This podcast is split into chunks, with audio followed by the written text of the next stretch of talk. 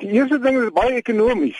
Ek was nou so 2 maande terug na 'n dokter toe in Pretoria. Toe dit nou van Brandfort wat naby Bloemfontein is af tot by Johannesburg met die Shaw's Rosa myl gery en daarna met die goudtrein. Die hele rit het met minder as R500 gekos. Daar's baie mense wat sê openbare vervoer in Suid-Afrika is te onveilig. Ek ervaar dit nie so nie. Die stasies is toegespan. As ek dit nou vergelyk met sê maar, jy weet 6 of 8 jaar terug. Die stasies is toegespan. Hulle laat nie meer mense wat nie kaartjies het op die perron toe nie en binne in die in die, in die trein is, is daar baie sekuriteit. Ek het altyd gewonder hoe bekostig hulle dit om so baie sekuriteitsmense daar te hê lyk my daar's 'n persepsie rondom die metro trein en en hierdie Prasa trein wat dan nou die Shaw's myl is. Kan nou nie uitsluitsel gee oor die metro trein nie want ek het dit nog nie gery nie. Maar hier in die platteland en so aan is daar in elk geval nie metro treine nie. Ek het al gesien net van die passasiers die het hulle papiere op Dis nou as jy in 'n sitter sit, jy weet daar waar ek het al 'n sitter ook gery.